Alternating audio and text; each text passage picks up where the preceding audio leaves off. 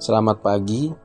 Pagi ini doa saya biarlah kita semua boleh terus ada dalam penyertaan Tuhan yang sempurna yang menolong kita, memberikan kita kekuatan untuk melewati situasi-situasi sulit yang Tuhan izinkan terjadi dalam hidup kita. Pagi ini kita akan merenungkan firman Tuhan dari kitab Lukas pasal yang ke-17 ayat yang ke-12 sampai dengan 16. Lembaga Alkitab Indonesia memberikan judul pada perikop ini ke-10 orang kusta.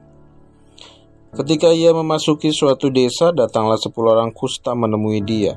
Mereka tinggal berdiri agak jauh dan berteriak, Yesus, Guru, kasihanilah kami. Lalu ia memandang mereka dan berkata, Pergilah, perlihatkan dirimu kepada imam-imam. Dan sementara mereka di tengah jalan, mereka menjadi tahir. Seorang dari mereka ketika melihat bahwa, dia, bahwa ia telah sembuh, kembali sambil memuliakan Allah dengan suara nyaring lalu tersungkur di depan kaki Yesus dan mengucap syukur kepadanya. Orang itu adalah orang Samaria. Biasanya kita akan menemukan sebuah kisah ditulis lebih dari satu kali dalam Alkitab. Misalnya, sebagai contoh dalam Lukas pasal yang ke-18 ayat yang ke-35, di situ dikisahkan Yesus menyembuhkan seorang buta dekat Yeriko. Nah, kisah ini juga bisa kita baca dalam Matius pasal yang ke-20 dan Markus pasal yang ke-10. Tapi kisah tentang 10 orang kusta ini hanya ditulis dalam kitab Lukas. Apa yang menarik dari kisah ini yang bisa menjadi bahan perenungan kita pagi ini?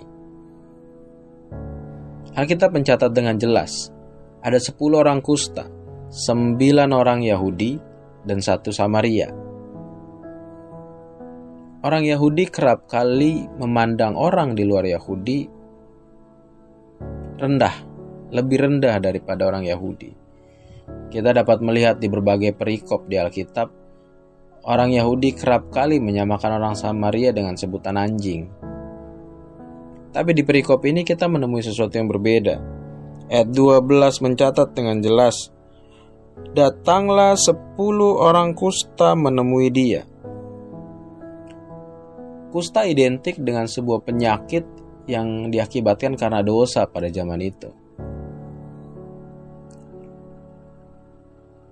Sepuluh orang kusta ini tidak lagi memandang siapa dirinya dan siapa orang lain.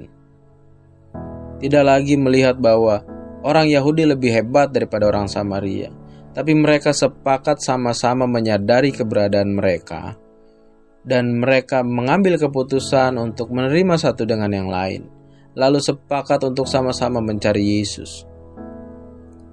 Roma pasal yang ketiga ayat yang ke-23 berkata, Karena semua orang telah berbuat dosa dan kehilangan kemuliaan Allah. Ini menunjukkan sebuah kesetaraan bahwa tidak ada yang lebih baik seorang dengan yang lain. Saya tidak lebih benar daripada orang lain, begitu juga sebaliknya kita sadar bahwa kita semua adalah manusia berdosa dan kehilangan kemuliaan Allah.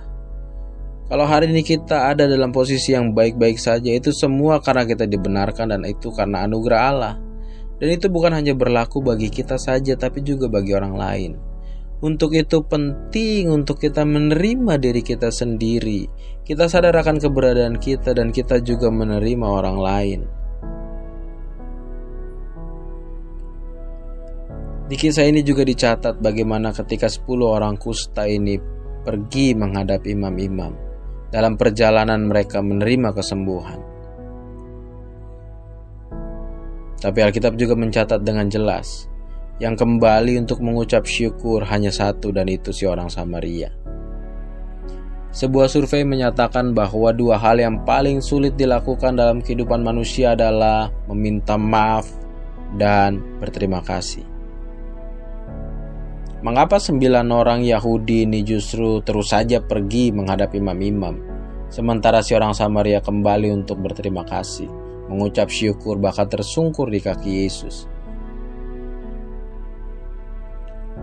Karena orang Yahudi ini, sembilan orang kusta Yahudi ini, menganggap bahwa apa yang mereka terima adalah sesuatu yang pantas untuk mereka dapatkan. Sementara si orang Samaria menganggap bahwa dirinya tidak layak untuk menerima kesembuhan. Sehingga ketika hal ini terjadi kepada dua golongan ini, yang satu akan mengabaikan dan menganggap remeh. Dan yang satu akan menganggap itu sebuah pemberian yang berharga dan dia harus kembali untuk berterima kasih. Seringkali kita tidak melakukan itu. Seringkali kita mengabaikan terima kasih, mengucap syukur atas apa yang Tuhan izinkan, eh, Tuhan berikan, atas apa yang kita terima, hanya karena kita menganggap kita pantas mendapatkannya dan kita tidak perlu berterima kasih. Ketika istri membuatkan segelas kopi untuk suami, pilihannya hanya dua. Si suami berterima kasih atau menganggap bahwa ia pantas mendapatkannya. Ketika istri diperhatikan oleh suami, pilihannya hanya Apakah si istri berterima kasih? Atau dia menganggap dan berpikir bahwa apa yang dia terima pantas dia dapatkan?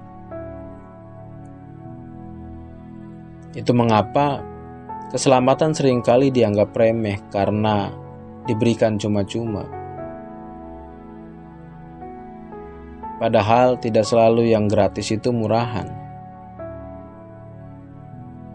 Keselamatan diberikan cuma-cuma kepada kita karena ketika kita harus membayar, kita tidak akan pernah mampu.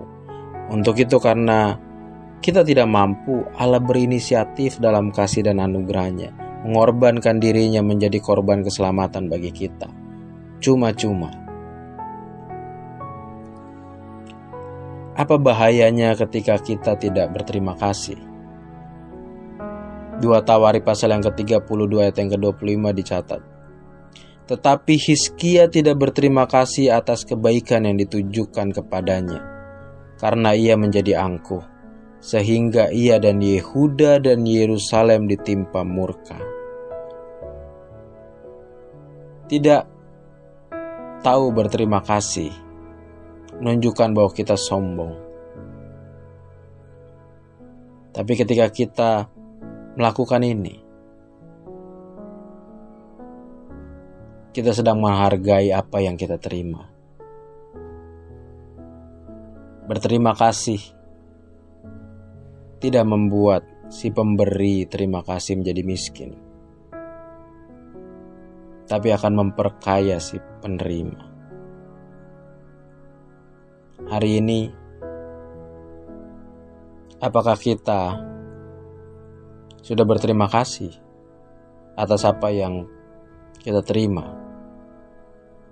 baik itu dari Tuhan, baik itu dari keluarga, baik itu dari sesama kita.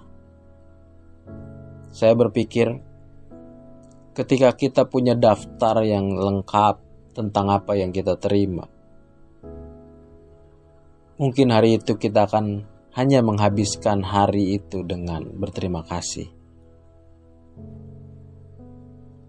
Selamat saling menerima. Selamat berterima kasih atas apa yang Tuhan beri dalam hidup kita. Tuhan memberkati.